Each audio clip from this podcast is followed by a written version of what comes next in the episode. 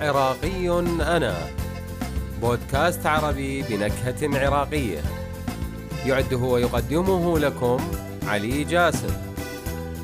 وفي الهندسة الصوتية محمد أحمد. هذا البودكاست برعاية بودلاينز.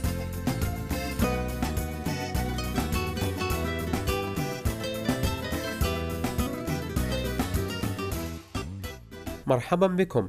بحلقة جديدة من بودكاست عراقي أنا. سنتعرف في حلقة هذا الأسبوع على مبدع عراقي آخر في مجال آخر. مبدعنا هو رائد الحركة المسرحية في العراق، ومؤسس أول فرقة مسرحية عراقية. أسس كذلك قسم المسرح في معهد الفنون الجميلة، بعد أن كان معهدا خاصا بالموسيقى فقط. ثم صار رئيسا لقسم المسرح ومدرسا فيه ثم عميدا لمعهد الفنون الجميلة كما أسس شركة سومر للسينما المحدودة وأصبح أول مدير عام لمصلحة السينما والمسرح. إنه المبدع حق الشبلي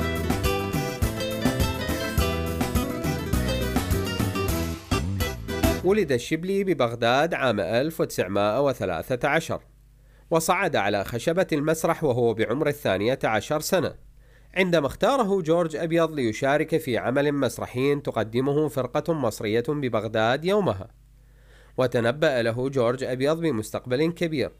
أسس بعدها أول فرقة مسرحية عراقية في عام 1927 باسم الفرقة التمثيلية الوطنية وعلى الرغم من إمكانياتها الفنية والاقتصادية المحدودة. لكن الحلم كان كبيرا بل كبيرا جدا. لدرجة أنه استطاع أن يتجاوز واقع الحال وأن ينهض بهذا القليل إلى حيز الوجود حيث قدم العديد من العروض التي جابت المحافظات الجنوبية والشمالية بمسرحيات اجتماعية ووطنية وتاريخية شعرية وشعبية وروايات مترجمة من الأدب العالمي.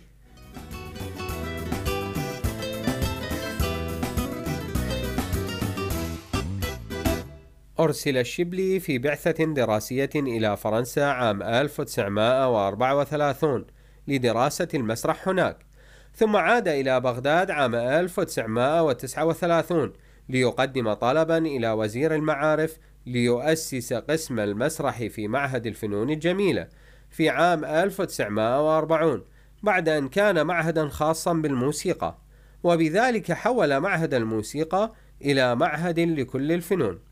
ثم أصبح الشبلي رئيسا لقسم المسرح ومدرسا فيه ثم عميدا لمعهد الفنون الجميلة واستمر في عطائه حتى تقاعده في عام 1979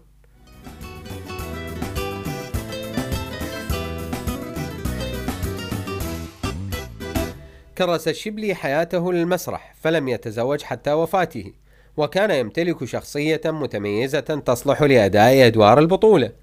فهو وسيم وله حضور قوي على خشبة المسرح مما أعطاه قدرة على لم شمل زملائه وأقرانه حوله والتأثير عليهم ومكنه من قيادتهم في فرقة مسرحية كبيرة مرموقة رغم صغر سنه.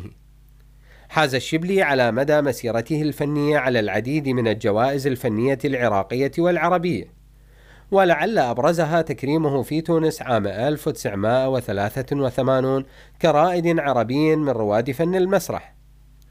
أصبح نقيبا للفنانين وفي عهده أصبح عدد منتسبي النقابة يربو على ثلاثة آلاف فنان وفنانة.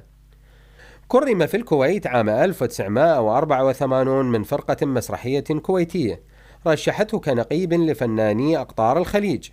فارق الدنيا في العشرين من حزيران عام 1985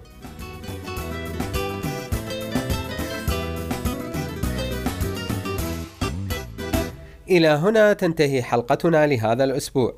تابعونا على منصات الاستماع جوجل بودكاست أبل بودكاست وسبوتيفاي للتعرف على شخصيات عراقية مبدعة نعتز بنتاجاتها العلمية والأدبية والفكرية.